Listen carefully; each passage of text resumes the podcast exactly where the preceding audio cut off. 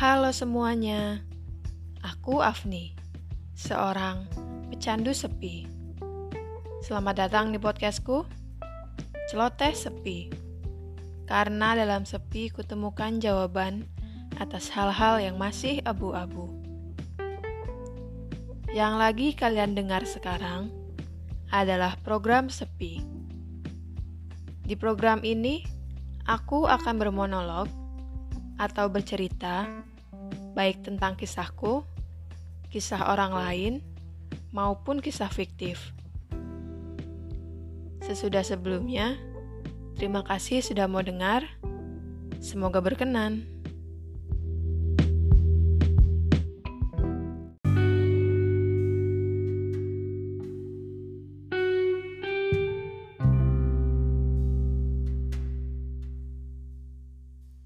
Sebuah kisah dari seorang teman bernama Pindi Adisti, yang tentu saja bukan nama sebenarnya.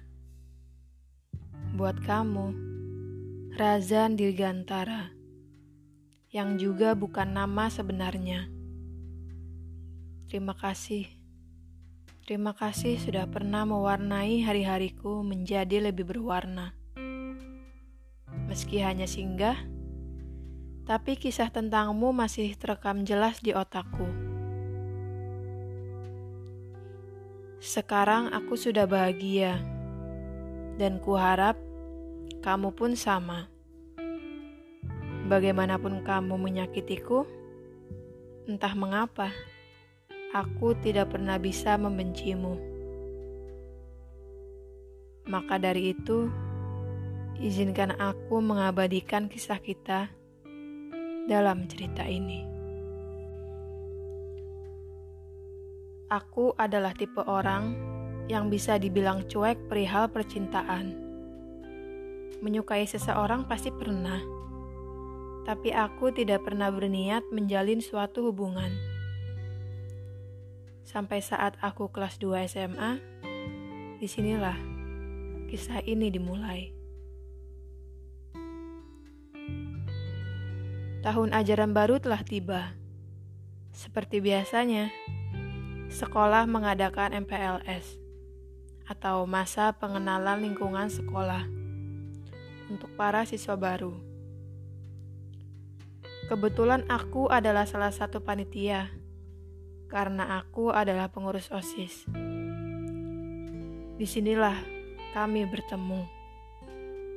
Ya, dia adalah adik kelasku. Lucu memang. Tapi ya namanya juga cinta anak SMA. Sebelumnya aku memang sudah mengenal dia sejak SMP. Tapi sebatas kenal saja. Bahkan aku sempat membencinya. Hanya karena sifatnya yang songong dan belagu. Walaupun dia memang tampan dan pintar, tapi karena sifatnya yang seperti itu, membuat aku tidak terlalu dekat dengannya saat SMP. Mungkin aku berpikir seperti itu karena aku belum mengenal dia lebih dekat. Dia mulai mendekatiku saat hari kedua MPLS. Dia mencoba menghubungiku melalui Facebook. Kemudian berujung meminta nomor WhatsApp. Sebelumnya, kami memang pernah satu kontak tapi hanya sekedar penonton story. Sampai kemudian, aku mengganti nomorku dan dia meminta nomorku yang baru.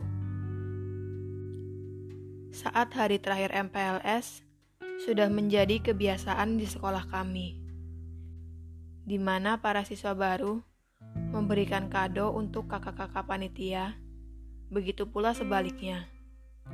Kakak-kakak panitia memberikan kado untuk para siswa baru. Saat itu dia memberiku kado di waktu yang tidak seharusnya. Karena acara tukar kado sudah selesai. Dia memberikan kadonya pada saat aku sedang duduk sendirian, agak jauh dengan panitia yang lainnya. Saat dia memberikannya, dia menyuruhku jangan membuka kadonya di sini. Buka di rumah aja katanya. Aku mengiyakan.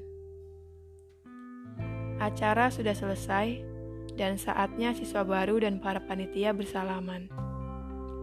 Tiba giliranku bersalaman dengan dia. Tapi bukan itu yang dia lakukan. Bukannya salaman, dia malah memakaikan gelang di tanganku. Sontak orang lain di sekitar kami yang melihat langsung menggoda kami dengan seruan cie-cie. Sesampainya di rumah, kubuka kado darinya yang ternyata isinya adalah permen yang dengan jujurnya dia bilang permennya dapat nyolong di teman sekelas dan selembar kertas bertuliskan I love you yang dia tulis menggunakan kode serta angka-angka. Aku masih tidak terlalu peduli pada saat itu. Sejak saat itu, dia selalu mencoba mencari perhatianku dengan mengomentari status yang kubuat, selalu bertanya dan menyuruhku menceritakan apa yang aku rasakan. Aku memang tipe orang yang sering menceritakan keresahanku pada orang lain, tapi hanya pada orang-orang yang sudah aku kenal dekat. Saat itu, aku belum terlalu mengenalnya.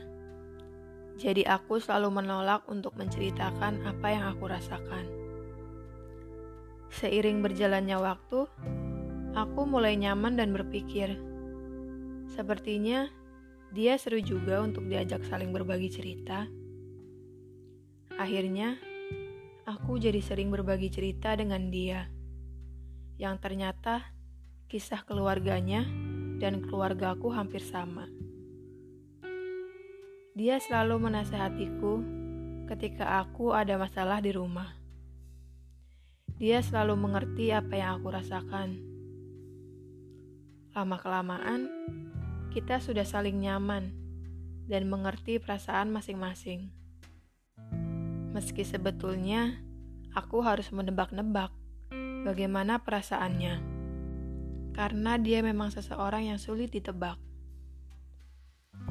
Tapi kami masih sebatas teman, belum ada kejelasan tentang hubungan yang kami jalani.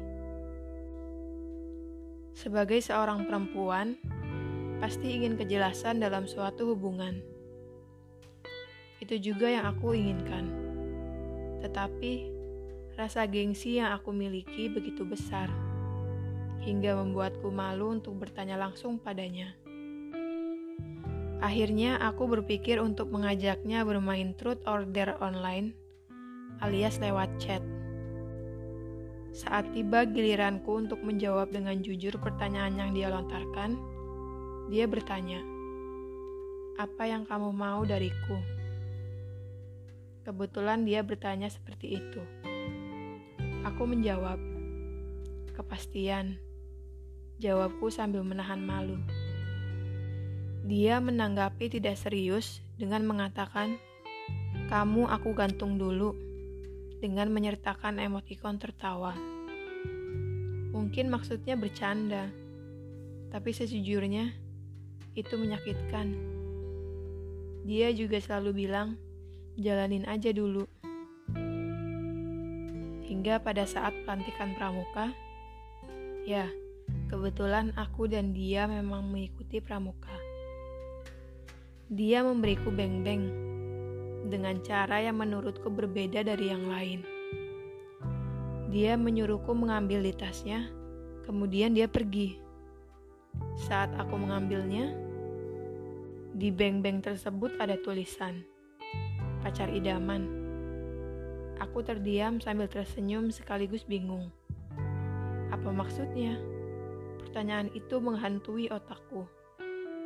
Dia kembali. Sesampainya di hadapanku, dia tertawa. Aku menatapnya dan kita berdua tertawa bersama. Setelah itu aku bertanya. Pertanyaan yang sedari tadi muncul di otakku. Maksud kamu apa? Dia menjawab, Kata kamu, aku pacar idaman kamu. Aku jawab, Iya, tapi ini maksudnya apa? Coba jelasin. Dia jawab lagi, Jangan dijelasin lah, takut kamu gak bisa tidur. Aku cukup kesal dengan jawaban dia yang masih abu-abu. Aku sejujurnya tahu apa yang dia maksud. Dia ingin memberiku kepastian. Tapi dia selalu memperlihatkan perasaannya dengan cara yang tersirat, yang membuatku ragu. Banyak momen-momen bahagia yang aku rasakan dengannya. Salah satunya adalah saat kemah Jambore. Ya, sebelumnya aku sudah bilang bahwa kita sama-sama mengikuti pramuka. Saat kemah itu, banyak kebahagiaan yang aku dapatkan bersama dia. Dari mulai makan berdua, selalu ditengok ketika aku sakit, jailnya dia yang buat aku ketawa. Kata adik kelasku, dia juga selalu merhatiin aku dari kejauhan. Selalu nanya keadaan aku gimana.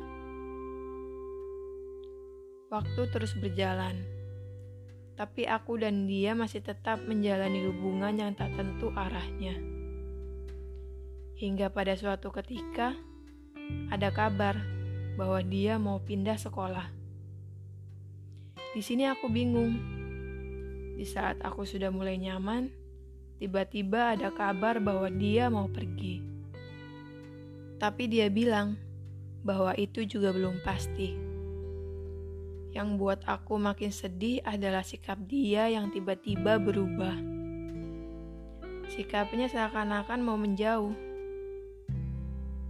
Saat aku tanya kenapa dia berubah, dia jawab, takut nyakitin.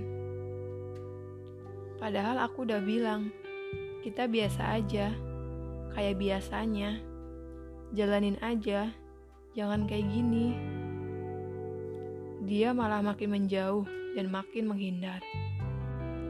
Tak lama kemudian, seiring berjalannya waktu, aku mendengar kabar bahwa ternyata dia nggak jadi pindah. Tapi sikapnya masih sama.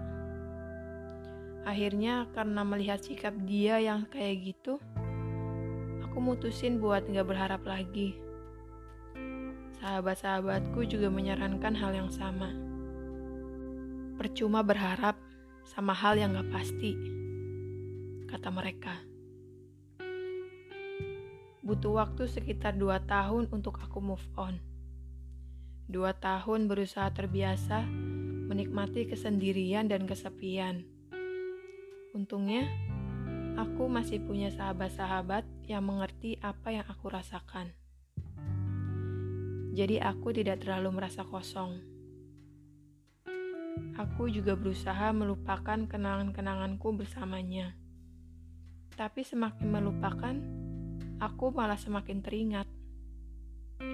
Akhirnya, aku coba untuk mengikhlaskan. Meski masih tetap teringat, tapi setidaknya tidak semenyakitkan sebelumnya.